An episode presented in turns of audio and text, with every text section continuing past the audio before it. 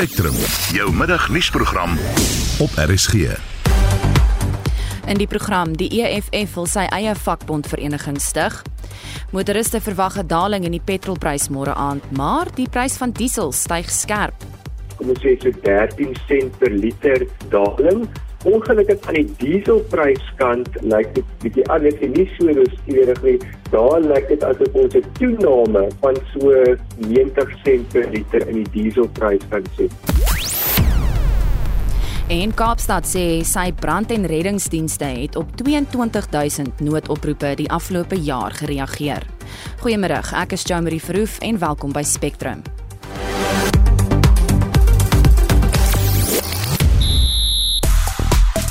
Goeiemôre. Die Stormers kaptein Steven Kitchoff sê dat hulle 'n nuwe tuiste by die Kaapstad Stadion bou. Dit was ook 'n goeie naweek vir ander Suid-Afrikaanse spanne tydens die naweek se Verenigde Rugby Kampioenskapsreeks en Mamelodi Sundowns deur na die Netbank eindstryd. Meer hieroor bietjie later. Ek is Christo Gawie vir RSG Sport. Die Hertzmerk Workers Day is steeds gewild en wêreldwyd is daar eise dat werkers se regte erken moet word. Oekraïne hou steeds die aandag op Twitter na 9 weke van oorlogvoering waar tydens Rusland die Oekraïne binnegeval het.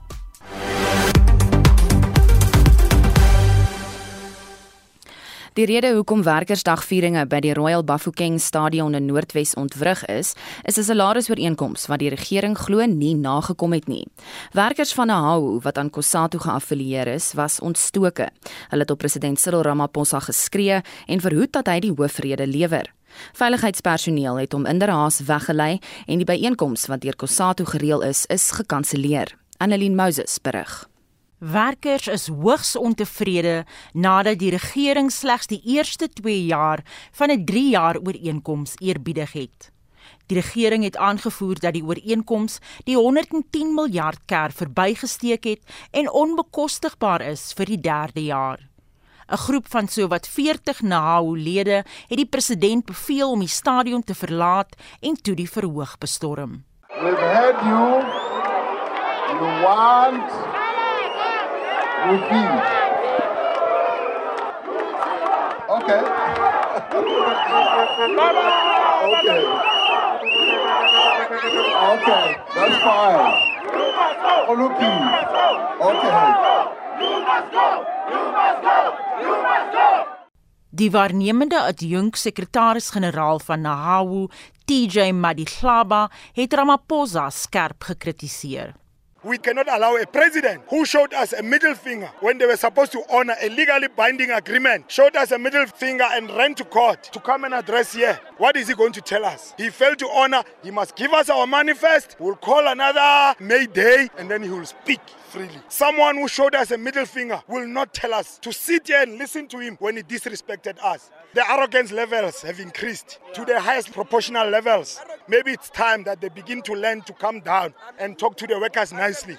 We vote for ANC, we campaign for the ANC, we campaigned for Cyril, we're still going to campaign for Cyril, but he can't disrespect us. He must give us our money, then the relationship will go on. Maar die adjunk sekretaris-generaal van Kusatu, Soli Petwe, sê daar sal geen optrede wees teen die werkers wat die geleentheid ontwrig het nie. There will be no action against those workers. We can't do that. But we will have to engage those workers and say, Comrade, you have disrupted your own rally. What is the next step going forward? We don't want this thing to happen. When there are issues, let's get those issues beforehand. In this case, we didn't know that they were going to chase away the president of the ANC. Really, it was an embarrassment. We didn't know that these workers have planned these things. And as I said when I was speaking to the others, these issues that workers are raising is genuine, but it's unfortunately that workers disrupted their own rally. When this matter of the non-implementation implementation of the resolution 1 of 2018 was going to court, we asked the question is the ANC government going to be happy when the outcome of the court is against workers? They could not respond to that issue. Aan die ander kant sê die regerende ANC, soveel as wat hy die woede en frustrasie van die werkers verstaan, was hulle optrede wat die president gedwing het om die byeenkoms te verlaat, niks anders as 'n verleentheid nie. Die ANC en nie Khalid Obed Papela. It's a setback. It is an embarrassment to leadership, but we can't condemn, we can't either condemn them because the issues they are raising are heavier than just the gathering itself. But we could have used another platform, better platforms, but probably the political council of the alliance will engage, will debate, and they will come back on the ground and start engaging the workers in the public sector and also the NUM on the matters that are affecting them. Die ANC en Kusatu sê die diepgewortelde verskille tussen werkers en die regering sal tydens die volgende byeenkoms van die politieke alliansieraad bespreek word. Die verslag deur Ntebo Mokobo en ek is Annelien Moses vir SAK nuus. En of hierdie uitjouery beteken dat president Cyril Ramaphosa se gewildheid besig is om te taan, praat ons nou met professor Dirk Kotse van die departement politieke wetenskap aan Unisa. Goeiemôre Dirk. Goeiemiddag. Baie dankie. Kan 'n mens uh, hieruit aflei dat president Ramaphosa se gewildheid besig is om te vervlou?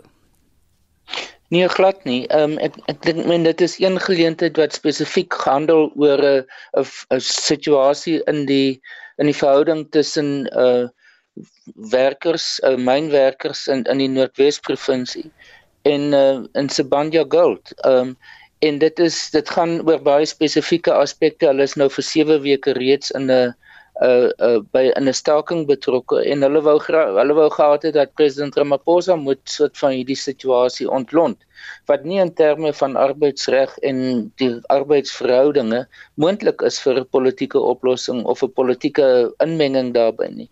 So dit is aan die een kant ja, dit is die dis dis op vir die dag self is dit 'n vir die ANC is is dit 'n slegte refleksie op hulle in die algemeen. Dis ook 'n refleksie op Kusatu. Um omdat Kusatu nie genoegsaam vir hulle ondersteuning gee as as 'n vakbond, die National Union of Mine Workers nie. So is baie meer ek dink dis baie meer genuanceerd as wat 'n mens net sal sê dis 'n een of ander teken uh van 'n politieke aanduiding van waar die ANC of president Ramaphosa spesifiek staan. So kom ons praat oor die ANC se verkiesingskonferensie en aggenome Ramaphosa wat homself weer verkiesbaar gaan stel. Hoe sien jy die situasie uitspeel?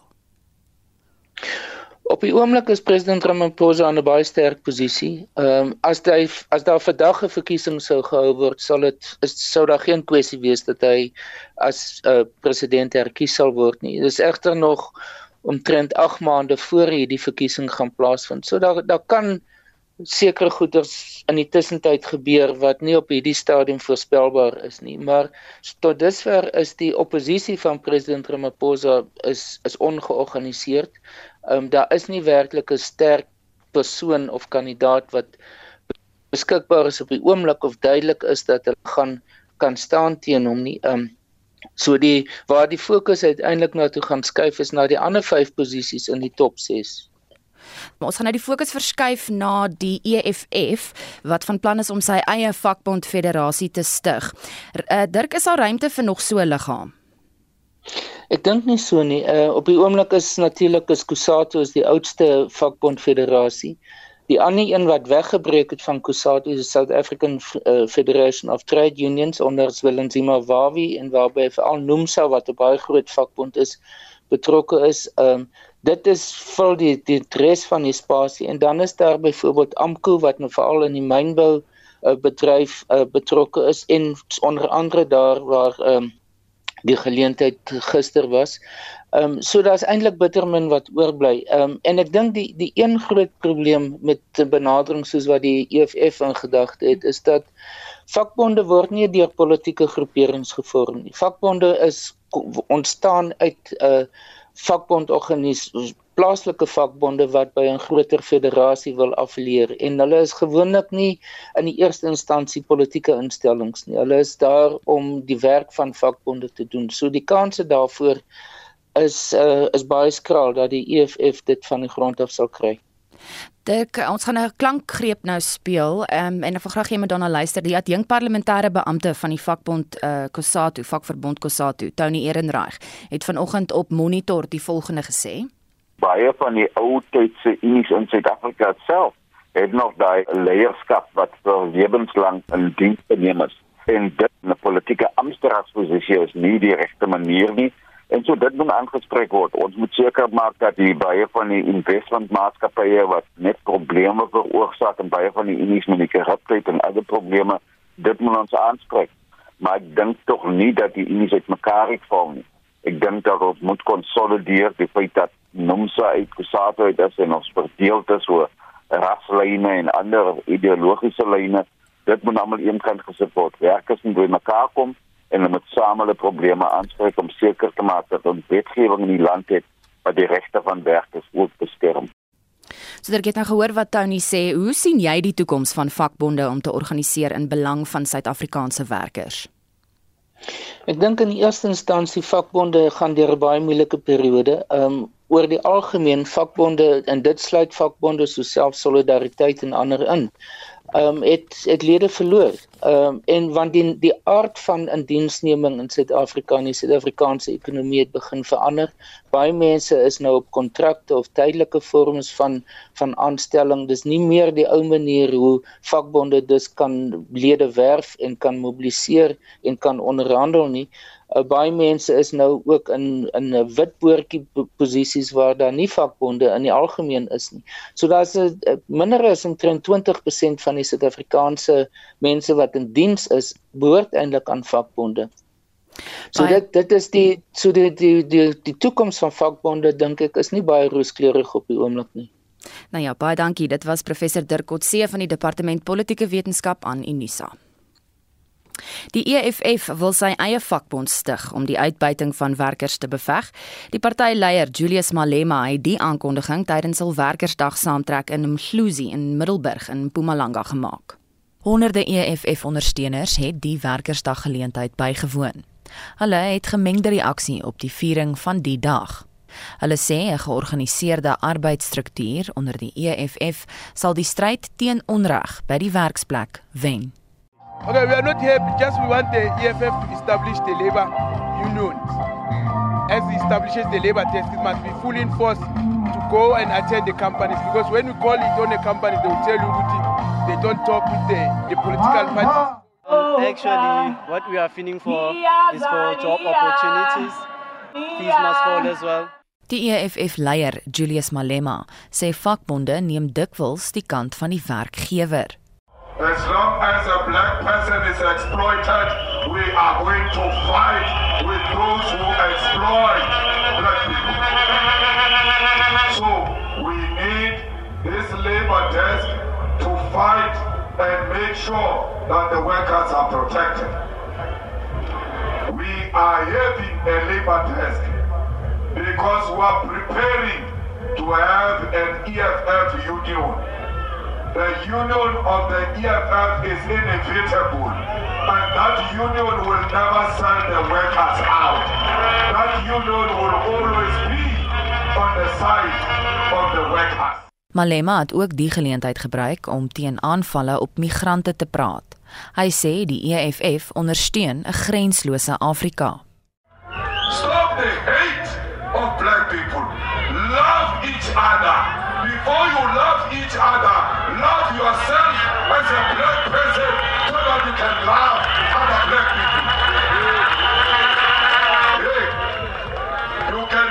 your vote if you hate me for loving black people. I don't want to be a president of people who hate black people. I want to be a president of black people who love themselves and love other black people. Die EFF is besig met 'n veldtog om 1 miljoen nuwe ondersteuners teen die einde van die jaar te werf. Die verslag is saamgestel deur Erik Lubisi in Middelburg. Ek is Joan Marie Verhoef vir SAK nuus. Die vakbond Solidariteit sal litigasie oorweeg indien die minister van gesondheid, Dr. Joe Patla, nie van die nuwe gesondheidsregulasies afsien nie. Volgens die vakbond sal hierdie regulasies die regering glo die mag gee om COVID-regulasies permanent te maak. Ons praat nou met die hoof van Solidariteit se Navorsingsinstituut, Connie Mulder. Goeiemôre Connie. Goeiemôre Jean-Marie. Hoekom is die vakbond teen die nuwe regulasies gekant? Um Germany in in een woord, dit is totaal irrasioneel en dit vat ons terug in die tyd in tyd met ons hantering van COVID-19. Ons is deur die regulasies, ons het uitgebreide kommentaar ingedien. Uh, baie van die goed maak glad nie sin nie en die grootste fout wat gemaak is dat hierdie regulasies um baie COVID spesifiek is, maar nou op toepassing sal wees van op alle aanmeldbare oordraagbare siektes. Dis 'n fout wat ons dink uh, die, die minister um regtig moet wel moet regstel voordat ons verder gaan uh, met enige iets in hierdie lyn en dit is wat ons bekommer is. Dis irrasioneel en dit gee absurde hoeveelhede aan die departement gesondheid. So Connie, hoe wyd het julle uh, geraadpleeg? Waarop is julle kommentaar gebaseer? Um, ons is deur al 100 en ek dink ons het 170 bladsye wat die minister gedoen het. Dan het ons ons beroepsveiligheidskenners ingekry wat vir ons die werksplek deel ontleed het. Ons arbeidsregkenners wat spesifiek na die kwessies rondom uh, wat arbeidsreg implikasies het met ons ook uh, ons mediese adviesraad met um, verskeie met onder andere dokter Angelique Kutse en daai op gevra om ons te kyk na die mediese implikasies en hierdie kennis alles saamgevat in kommentaar wat ons ingedien het wat dood eenvoudig sê die regulasies gaan nie doen wat ons dink hulle moet doen nie. Ehm um, ons is intedeel besig hierdie regulasies is strenger as die goed wat ons tans het en wat ons gehad het in Desember. Ehm um, en dit is net baie nie nodig om meer inbraak te maak op burgers se regte as jy dit kan regkry met uh, minder streng regulasies nie. Nou kon die dokter Dirk Herman sê daar was 'n stortvloed van negatiewe kommentaar en dat 1000 mense nodig gaan wees om deur al die kommentaar te werk. Hoe so? Um man eerstens ons ons dringende hof aansoek op 5 April uh, om die ramptoestand af te stel die regering toe nou genoop om dit 5 April af te stel eerder as 15 April en nou sit ons met 5 Mei verval al die tussentydse regulasies. Uh, nou daar is meer as 300 000 kommentare ontvang op die gesondheidsregulasies en hulle moet 5 Mei in werking wees en die kommentaar het 24 April gesluit. So dit beteken as ons vinnig gesomme doen na so 7 werksdae en as jy 300 000 kommentare in 7 werksdae net moet deurlees en dan gaan dit 1000 mense per dag omtrent 8 ure dag min of meer vat om dit te doen. Nou dis net deurlees, dis nie 'n uh, verslaggewer wat dit temas uitwys die regulasies aanpas en uiteindelik uh, nuwe regulasies uitvaardig en teken nie. En dit sê vir ons dis net plain onmoontlik uh, vir die regering om werklik die publieke kommentaar aan ag te neem hierso. En dit is dan die basis waarop ons sê nie net is die regulasies irrasioneel nie, die proses is dan ook diep uh diep uh, eintlik ernstige gebreke in en um, ons dink dat dit in die grond sal wees vir moontlike litigasie as hy sou voortgaan. So hoekom oorweeg julle litigasie?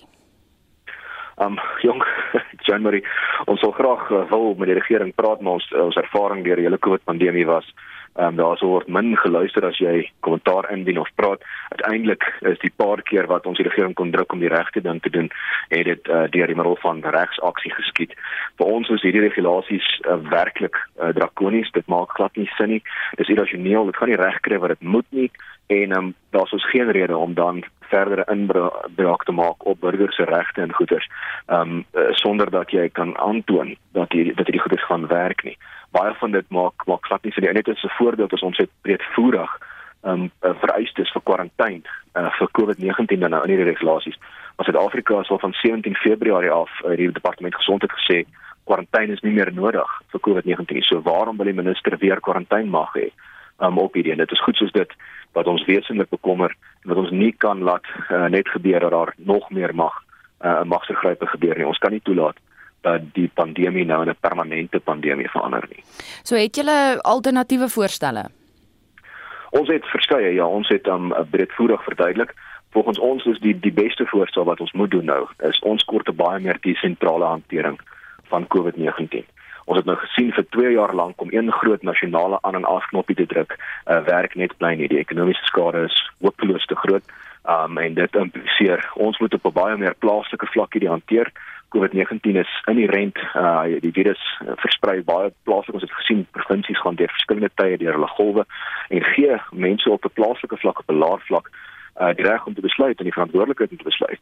As ons net kyk na um maskermandate byvoorbeeld, is dit maak vir ons baie sin dat hoë risiko geboue soos hospitale, dokterspreekkamers en daai en dan nou sal aandring op maskers want uh, daar is hoë risiko mense daar binne wat wat van vansprekend um makliker kan aansteek, maar ons sit met hierdie uh, eintlik 'n stuk teater wat ontstaan het in restaurante en kafees waar mense instap vir 2 meter 'n masker aan het en dan gaan sit en hom afval.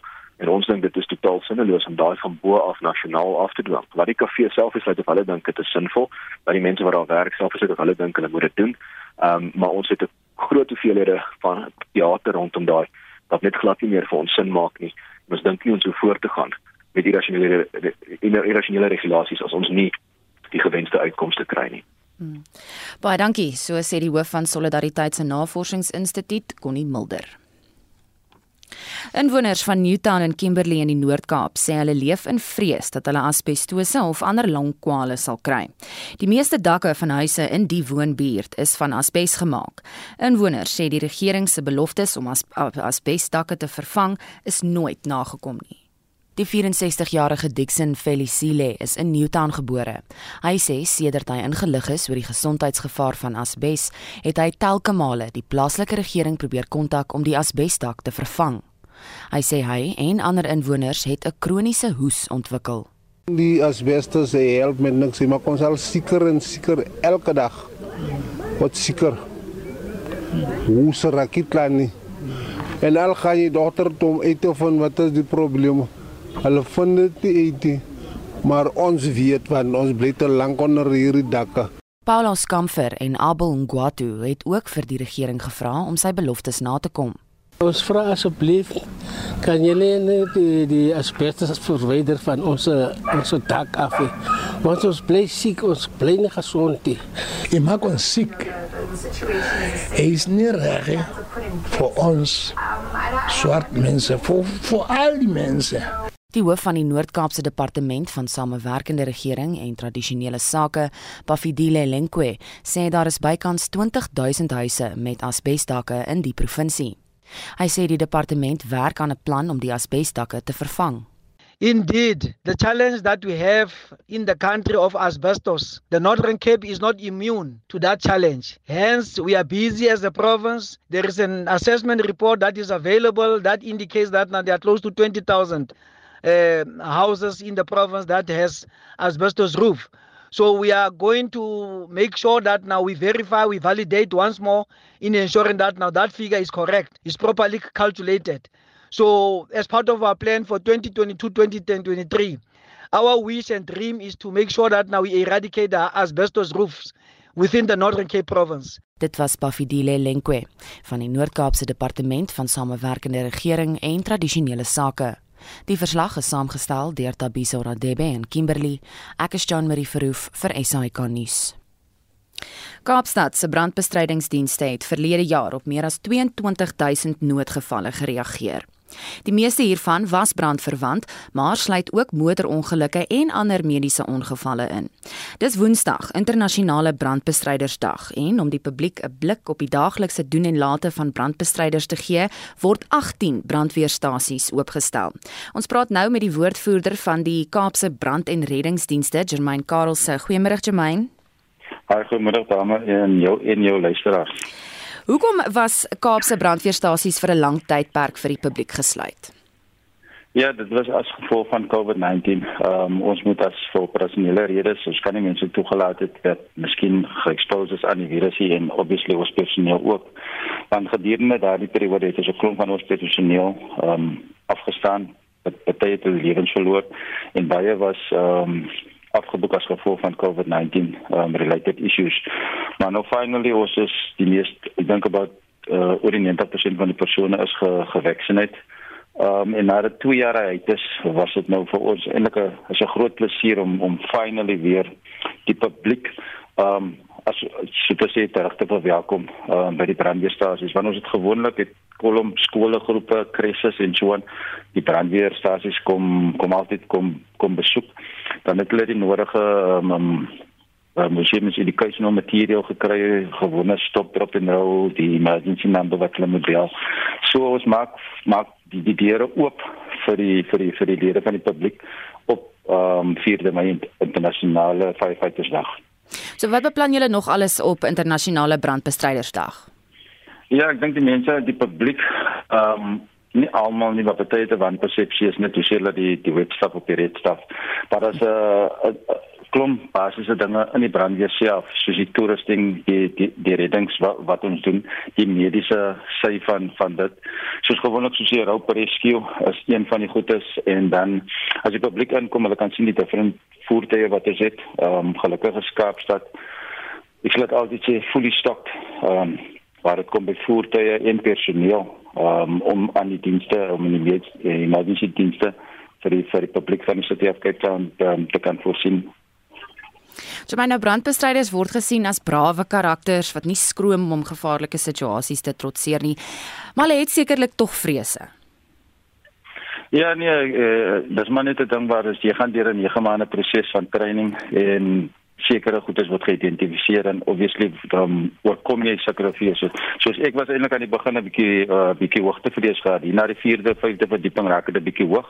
Maar jy jy jy, jy lewe saam met daar daarmee en, en en jy, jy weet hoe om dit te oorkom. En ons praat nou kan nou so van ehm um, ek dink dit uh, dink so 2 weke terug het ehm um, twee lede van Salarisveld brandweerdienste uh, in 'n brandende huis ingegaan waar hulle gehoor het 'n persoon was vermis. Ek dink dit was 'n 87-jarige uh, 'n man en hulle het gelukkig op hom afgekom deur die huis gegaan terwyl dit 'n ligte laaie was. Die persoon gekry in die kombuis onder 'n tafel en hom gelukkig uitgehaal, gered en en die mediese personeel het hom geassisteer en daar's eintlik 'n goeie storie vandag waar dit anders kan gewees het waar die persoon eintlik kan dood gewees het. En sy familie is is, is natuurlik dankbaar vir vir die dienste van van die brandweer op sigself. So gepraat van dankbaarheid, dink jy die publiek wys tog hulle waardering en as hulle doen op watter wyse sê hulle dankie? Ag ja, dit is maar um, hoe sê mense so hulle baie keer is dit 'n thankless job wat die mense doen. Ons kom uh, ons kom na jou woning toe wat brand of enige insident, ons doen ons werk en ons keer terug en dan is dit maar net die nächste emergency oproep wat ons weer nou uitgaan. Ja, sommige mense kom na die stasie toe en hulle sê vir die persone, um, dankie sê vir die werk. Maar op die einde van die dag is ons daar om die publiek te te serve. Um, ons almal het opgesign vir dit en dit is een van ons ons passies om mense op die einde van die dag te help. Baie dankie. Dit was die woordvoerder van die Kaapse Brand- en Reddingsdienste, Germain Karelse. Jy luister na Spectrum. Elke weekmiddag tussen 12 en 1. Dis nou 31 minute na 12. Die Gasvryheidsvereniging van Suid-Afrika, FEDASA, het munisipaliteite gevra om hulle tariewe te verlaag in 'n poging om die sektor te help herstel van die skade wat die COVID-19 pandemie veroorsaak het. En die DA-leier, John Steenhuisen, is op 'n 6-dag lange besoek aan Oekraïne. Gister het Steenhuisen met die burgemeester van Lviv vergader.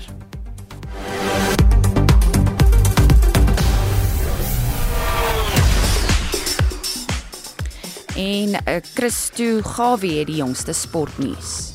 Die Stormers het hulle bonuspunt misgeloop wat hulle 'n voorsprong sou gegee het in die stryd om die tweede plek in die laaste ronde, maar hulle sege van 2013 oor Leinster Saterdag in Kaapstad het verseker dat dit missie bereik is vir hulle. Indien die Stormers vir Scarlets in Lanelli in hulle laaste groepfase wedstryd op 21 Mei klop, staan hulle dan 'n goeie kans om die tweede plek op die punt te leer en verdere tuisvoordeel vir die komende kwartfinale en moontlik ook die halfeindronde te verseker. Byna 14000 toeskouers het die kragmeting Saterdag op die Kaapstad Stadion bygewoon. Dit was ook inderdaad 'n goeie naweek vir ander Suid-Afrikaanse spanne tydens die naweek se Verenigde Rugby Kampioenskapsreeks. Die Sharks het op Kings Park 31 onbeantwoorde punte in 'n oplewing in die tweede helfte aangeteken om Connacht met 41-21 te verslaan.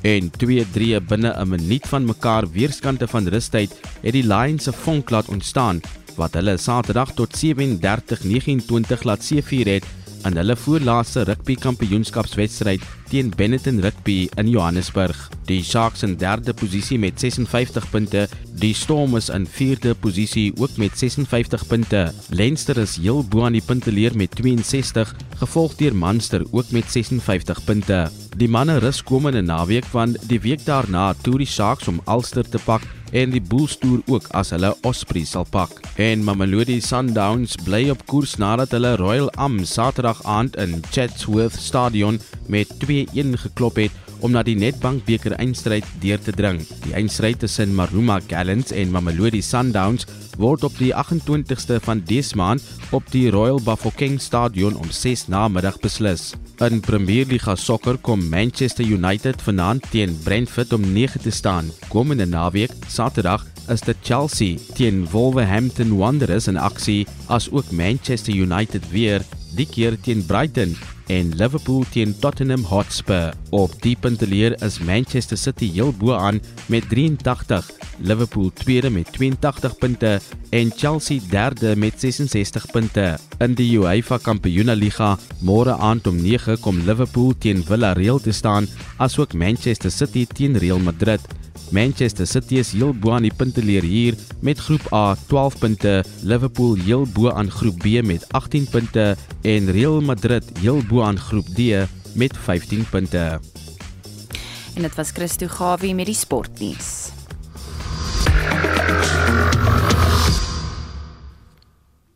Die president van Tunesië, Kais Saied, sê 'n komitee sal saamgestel word om die land se grondwet te herskryf.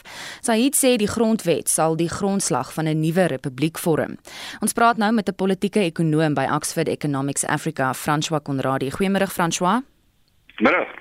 So ons het al vroeër berig oor kommer dat Said sy houvas op die regbank sou verstewig wat regters se onafhanklikheid sou bedreig. Is hierdie plan om die grondwet te herskryf goeie of slegte nuus vir Tunesiërs? Ehm um, dit is dit kan eintlik sê of dit goeie of slegte nuus is om om die grondwet te herskryf nie. Ehm um, baie mense was ontevrede met die uh, parlementêre stelsel wat hulle gehad het want dit is die stelsel wat vir 10 jaar lank 'n uh, baie morsige uh regering tot gevolg gehad het. Daar was baie korrupsie en so aan. So baie mense is ten gunste van die die skuif na 'n presidensiële stelsel toe wat hulle nou gaan kry. Maar die die kommer kom meer uit die manier waarop dit gedoen word. So ehm um, dit lyk trouens asof sy alreeds die grondwet geskryf het en dat hierdie komitee wat dan nou op die been wil bring ehm um, maar net 'n dekking gaan verskaf uh, vir die teks wat hy hy reeds geskryf het in sy eie kantoor. Ehm um, so dat daar is 'n gevoel dat uh, wanneer hy besig is om om 'n ding af te dwing wat dat hy op sy eie besluit het. Soos hy sê die komitee sal uit die vier grootste nasionale organisasies bestaan wat vakbonde en die juridiese liggaam insluit. Kan dit as verteenwoordigend beskou word? Uh wel, soos ek sê dit dit gaan baie um ondeursigtig wees. Uh ja, so hy nou die die vakbonde kry sê die die um Chamber of Commerce kan ek sê kry ook sê en dan die ander mense is die die um menseregte liga en die uh en die um die die regters.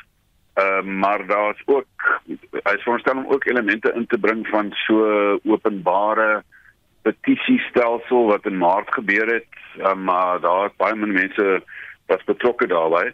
Uh en ons ook hier en daar um professors van die regte en hy self um, sê dit is 'n is 'n uh um rechtsgeleerde. Uh so ek weet nie hoe gegee hoe mense belang gestel het na die um aanlyn uh, petisie um uh, ding wat hulle gemaak het hoe jy jy, jy, jy kon nou aanlyn gaan dan kon jy nou sê wat jy dink moet gebeur. En baie min mense het belang gestel. Hulle het net 500 000 uh bydraes gekry.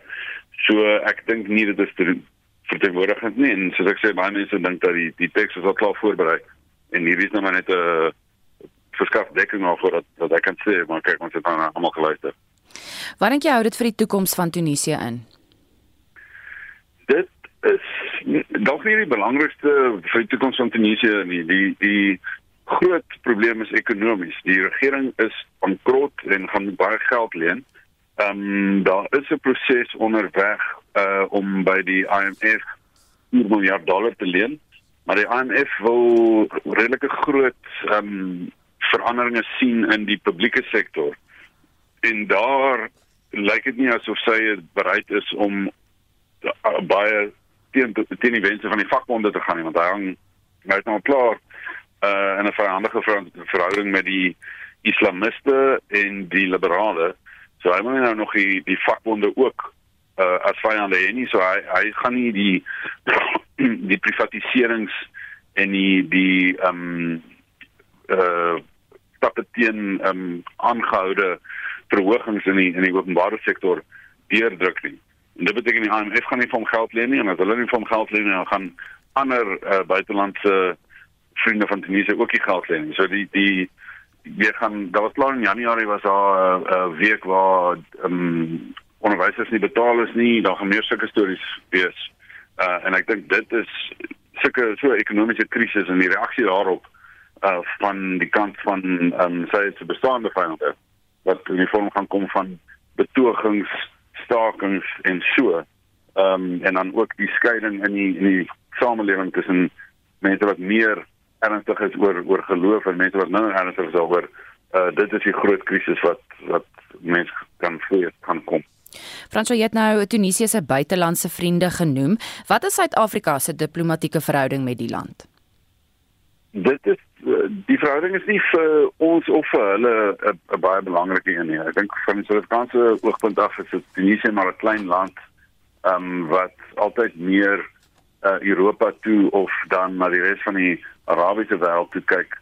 Ehm um, jy weet hulle baie goeie verhoudings met of alle belangrike verhoudings is is met Frankryk en Italië uh, en dan met die die lande in die Persiese Golf en van Pretoria se oogpunt is dit ook nie 'n vreeslike belangrike verhouding nie. En dit was 'n politieke ekonoom by Oxford Economics Africa, François Conradi. Ons verskuif nou die fokus na verkeersnuus en vakansieverkeer is besig om toe te neem met baie motoriste op die paaie. En ons praat nou met die woordvoerder van die N3 tolkonssessie Tanya Dugra oor die verkeer tussen Gauteng en KwaZulu-Natal. Good afternoon Tanya. Hi, good afternoon, Jamaline. Good afternoon to your listeners. Tanya, how busy is the road at the moment? It's fairly busy. Um, in the last hour, we recorded just over 1,500 vehicles an hour heading northbound back towards Johannesburg. And that's very much in line with what we were predicting from a traffic pattern perspective, that we were going to be very busy from around 9 o'clock this morning until 6 p.m. this afternoon, with peaks of over 1,500 vehicles an hour between 12 and 3. All right, so you don't have a specific time for those peaks. Um, do, do, you do you know when the traffic flows are expected to change? Between 12 o'clock and 3 o'clock. Has afternoon. there been any incidents? Um, very fortunately, no, at the moment, nothing disrupting the flow of traffic. We have had some incidents between, particularly between light and heavy motor vehicles, um, but that's largely because of speed differential. And again, a reminder to road users to please take that into consideration that there is a big speed difference between lights and heavies, and to make sure they check their blind spots, etc., before they are overtaking. But fortunately, nothing serious and nothing obstructing the traffic. So, no roadworks or any advisories for motorists? No, nothing at this point, nothing that's disrupting the flow. All right, Tanya, do you just want to repeat that number motorists can call or perhaps your socials where they can have a look at? Sure. Uh, you can follow us on Twitter at N3 Route or contact the 24 hour N3 helpline. It's 0800 634357. Baie dankie so sê Tanya Dugra die woordvoerder van die N3 tolkonssessie. Die petrolprys gaan na verwagting afneem, maar hoewel verligting, maar hoeveel verligting kan die motoris regtig verwag? Ons het by die hoofekonoom by die Buro vir Ekonomiese Ondersoek Hugo Pinaar gaan kers opsteek. Lyk daar vir 'n tydjie asof ons 'n kleiner as 'n petrolprys daling later die week kan sien. So petrol lyk hier tussen kom ons sê so 13 sent per liter daling Ongelukkig aan die dieselpryskant lyk dit bietjie anders en nie so rooskleurig nie. Daar lyk dit asof ons 'n toename van so 90 sent per liter in die dieselprys kan sien. Die rand-dollar wisselkoers, praat met ons daaroor. Nou so eintlik as jy nou vroeër in April kyk, dan het gelyk asof ons 'n groter petrolprys daling kan sien hierdie week, maar ons het nou die laaste 2 weke op so gesien dat die rand onder redelike druk kom, so die rand het nog op 'n swak teen die Amerikaanse dollar en as gevolg daarvan sou ons nou 'n kleiner petrolprysdaling as wat mens andersins sou gesien het. So waar die rand ons vir die grootste deel van hierdie jaar gehelp het aan die petrolpryskant, is dit nou minder so ongelukkig. Hier dan weet ons ook aan die einde van die maand verstryk daai R1.50 subsidie van die regering. Wat beteken dit vir die verbruiker? So omtrent rondweg 50% van die petrolprys is belasting. Um, en die regering het nou vir ons 'n kwytskelding vir 2 maande gegee in April en Mei van R1.50 op die petrolprys heffing, maar dit verstryk nou soos jy sê aan die einde van die maand. So ons gaan in terme van die belasting gaan daar R1.50 bykom op die petrolprys in Junie So die totale styging gaan dan nou afhang wat met die oliepryse en die rand dollar wisselkoers gebeur in Mei. Maar soos wat dit nou lyk, kom ons sê alles bly dieselfde. Uh, olie bly, bly min of meer waar dit nou is, die rand stabiliseer, dan kan ons waarskynlik ten minste R1.50 styging in die petrolprys verwag in Junie. So redelike groot toename daar. Kom ons praat oor die langer termyn. Wat is jou vooruitskatting daar? Wel, met met nou die twee groot aannames wat jy moet maak is op die op olieprys en op die rand dollar wisselkoers. Nou dink jy algemene verwagting is dat as die die onstuimighede rondom Rusland en Oekraïne begin kalmeer, nou dit kan nog 'n tydjie neem, kom ons sê oor die volgende 6 tot 12 maande Uh, is die algemene verwagting dat die olieprys internasionaal sal daal van die redelike hoë vlakke wat ons nou het. So dit behoort positief vir ons petrolprys te wees wat natuurlik nou op baie hoë vlakke is. Soos ek sê, as jy teen die einde van die jaar, volgende jaar na kyk, dan hopelik kan ons 'n bietjie verligting aan die petrolprys kan sien. Betekenisvolle kommunikasie en samewerking is noodsaaklik om die Suid-Kaap te bewaar. Dit is een van die punte wat in die Tuinroete Omgewingsforum se verslag van belanghebbendes vir 2022 gemaak word. Die verslag gee uiteensetting van onder meer bewaringsprojekte en toekomsplanne in die Tuinroete streek. En ons praat nou met die sameroeper van die Tuinroete Omgewingsforum, Kobus Meyering. Goeiemôre Kobus. Hallo Jamie, lekker om jou op die lig te hê. Baie dankie. Wat is die kwessies wat in die verslag uitgelig word? Ah, uh, dit is 'n meervoudige verslag. Um, ons area wat ons dek is um, is baie groot in geografiese terme. Dit strek basies van die breër rivier af al die pad tot in die klein Karoo, die dorpe se Skalesdorp, maar gaan reg weer tot by Oudtshoorn, Duiselsdorp en dan oor na ehm um, the Nature's Valley aan die aan die kuskant.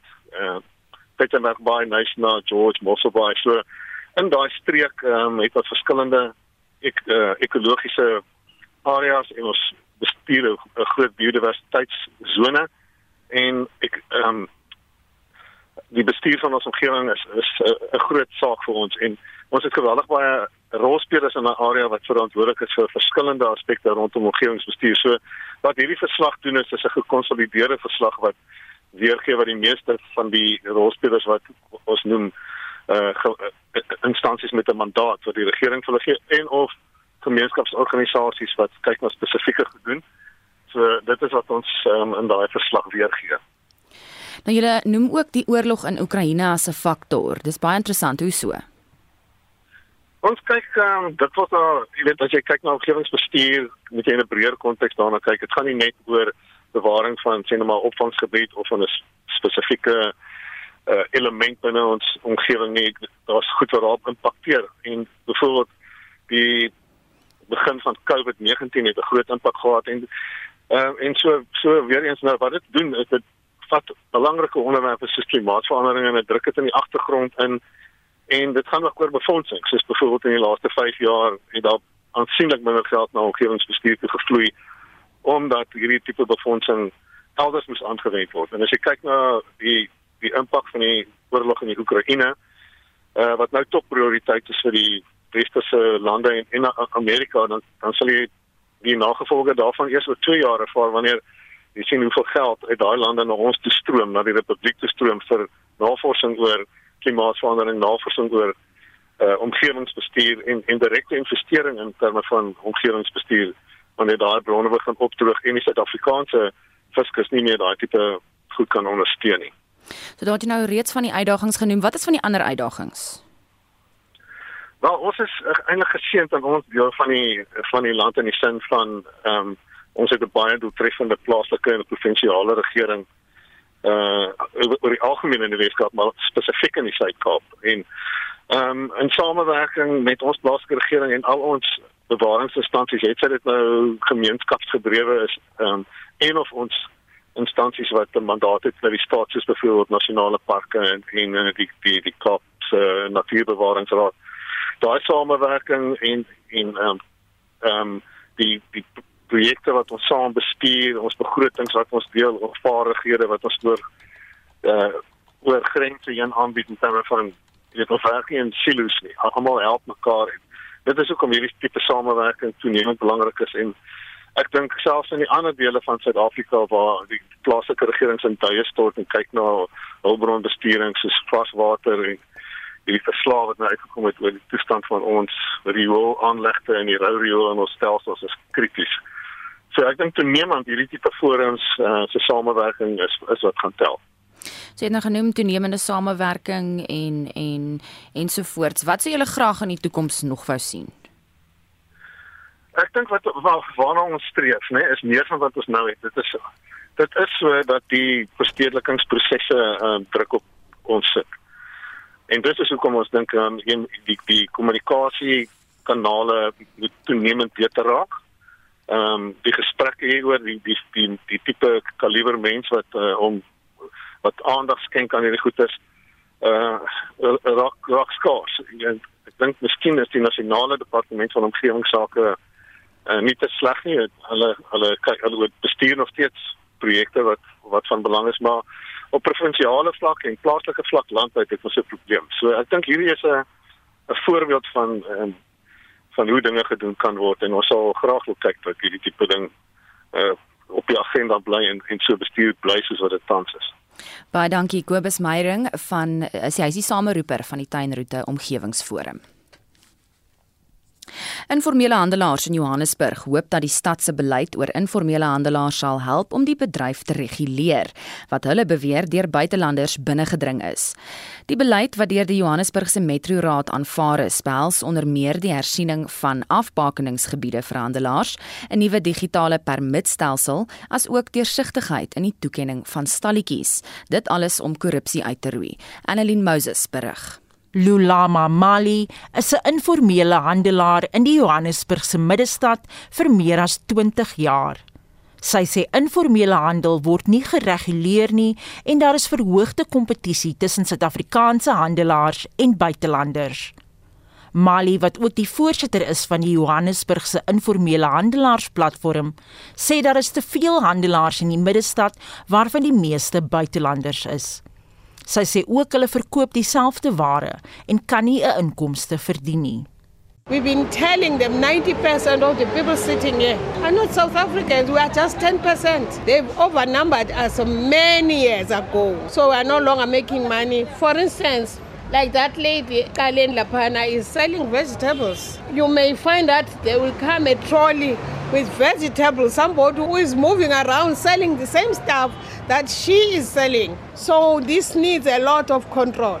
Die formulering van die Johannesburgse informele handelsbeleid strek so ver terug as 2013. Dit is Dinsdag deur die raad aanvaar. Die burgemeesterskomitee lid vir ekonomiese ontwikkeling, Nkuli Mbundu, sê daar is tans sowat 8100 handelaarsruimtes. Mbundu sê alle handelaars in die Johannesburgse metro sal weer vir permitte moet aansoek doen. Why we're doing it digitally is that we don't want for the permits to be forged. So when you come in to apply, we take your fingerprints, we take a photograph of you, we authenticate with Home Affairs, and when the permit is issued, the card has got a barcode that links to a central database with your original identification details from Home Affairs so that when JMPD does bylaw enforcement, they can scan your card. Mbundu sê ook dat immigrasiewetgewing vir asielsoekers wat om verskeie redes gevlug het, die geleentheid gee om handel te dryf. Hy sê egter dat Suid-Afrikaners prioriteit sal geniet.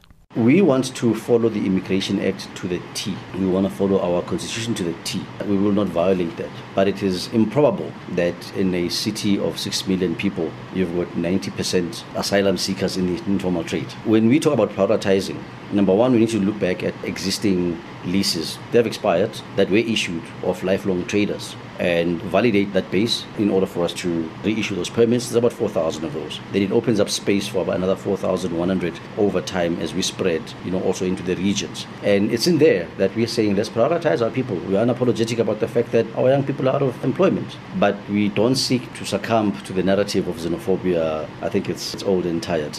Hy sê die doel is om wydverspreide gedeeltes in te perk en te verseker dat daar een handelaar vir elke stalletjie is. Mali sê sy hoop dat die nuwe beleid mense soos haarself sal help om hulle sakeondernemings te laat groei. It's not in our minds to stay in the street for life. Look at my age. I was supposed not to be here, not anymore. But because of circumstances, I'm forced to come every day here because kids are not working. Even those who are working are benza impilo yabo angifanelanga ngisuppress abantwana. So I have to take care of myself. So the minute see ba free sisenza i-business singama-South Africans and few of the foreign nationals because they are also welcome in the document. those who are properly documented. They are not being chased away. And then we will make better business, and at the end, we'll grow, and at the end, we'll move out of the streets. Die beleid sal binne die volgende 6 maande uitgerol word. Dit sal voorsiening maak vir 'n projektekantoor wat die beplanning en uitreiking van permitte asook die stigting van forums vir belanghebbendes sal fasiliteer. Die huidige handelaarspermitte het verval en sal nou met nog 6 maande verleng word. Dit sal handelaars toelaat om hulle werksaamhede voort te sit. Die verslag is saamgestel deur Tsepo Pagane en ek is Annelien Moses vir SAK nuus. Vir 'n opsomming van die dag se nuusgebeure, hier is Annelien Moses. Ons begin met die jongste COVID-19 syfers. Volgens die Nasionale Instituut vir Oordraagbare Siektes is daar in die laaste 24 uur periode meer as 3030 nuwe COVID-19 infeksies aangemeld. Gauteng, KwaZulu-Natal en die Wes-Kaap is steeds die drie provinsies met die hoogste positiwiteitskoers. In ander nuus, die Wêreldekonomiese Forum waarsku opnuut teen 'n wêreldwye voedselkrisis weens die impak van die voortsleepende oorlog tussen Rusland en Oekraïne. Die konflik duur nou al 9 weke en volgens die Verenigde Nasies se Wêreldvoedselprogram verbou Oekraïne genoeg voedsel om 400 miljoen mense te voed. Maar weens die konflik word voedselproduksie in die land lam gelê. Die EFF wil sy eie vakbond stig om die uitbuiting van werkers te beveg. Die partyleier Julius Malema het die aankondiging tydens hulle werkersdag saamtrek in Mhluzi in Middelburg in Mpumalanga gemaak. Monitor het vroeër by professor Andrius Besuidnout, 'n sosioloog en dosent in ontwikkelingsstudies aan die Universiteit van Fort Hare, gaan uitvind of daar ruimte is vir nog 'n vakbond in die land as daar daadwerklik iets gedoen moet word hieraan gaan die vakbonde moet wakker skrik en op 'n ander manier begin dink oor oor wie is werkers en wat is werk en waar vind werk plaas en hoe word werk gereguleer. So die vakbonde gaan op 'n manier moet besef daar's 'n prekariaat wat besig is om te ontstaan. Ek sien heeltemal dat vakbonde in Suid-Afrika baie belangstel in hierdie kwessie nie. Die vakbonde word al hoe ouer en ouer, amper mense van 'n vorige generasie. Alhoewel in Amerika sien 'n mens nou met hierdie jong gegradueerdes beheerders wat besig is om sterk te organiseer in maatskappye so Starbucks en Amazon. So mense sien 'n tipe van 'n nuwe bewussyn, maar ek dink uh, baie van die vakbonde het hulle verbeelding verloor. Ons het professor Dirk Kotse van Unisa se departement politieke wetenskap gepols oor of president Cyril Ramaphosa se gewildheid afneem nadat hy uitgejou is tydens werkersdagvieringe in Noordwes. Kotse het so gereageer vir die ANC is dit 'n slegte refleksie op hulle in die algemeen. Dis ook 'n refleksie op Kusatu omdat Kusatu nie genoegsaam vir hulle ondersteuning gee as as 'n vakbond die National Union of Mine Workers nie. Ek dink dis baie meer genuanceerd as wat 'n mens net sal sê dis 'n een of ander teken van 'n politieke aanduiding van waar die ANC of Ramaphosa spesifiek staan. Die vakbond Solidariteit sê hy oorweeg regstappe indien die minister van gesondheid, Dr. Joe Pahla, voortbeer met die nuwe gesondheidsregulasies. Volgens Connie Mulder van die vakbond sal die regulasies die regering bemagtig om COVID-19 regulasies permanent te maak. En dis Annelien Moses met 'n blitsoorsig van die dag se nuusgebeure. En daarmee groet die Spectrum span namens ons uitvoerende regisseur Nicoline de Wee, vandag se redakteur Hendrik Martin, produksieregisseur Johan Pieterse en ek is John Marie Verhoef. Esai Kahnis, onafhanklik, onpartydig.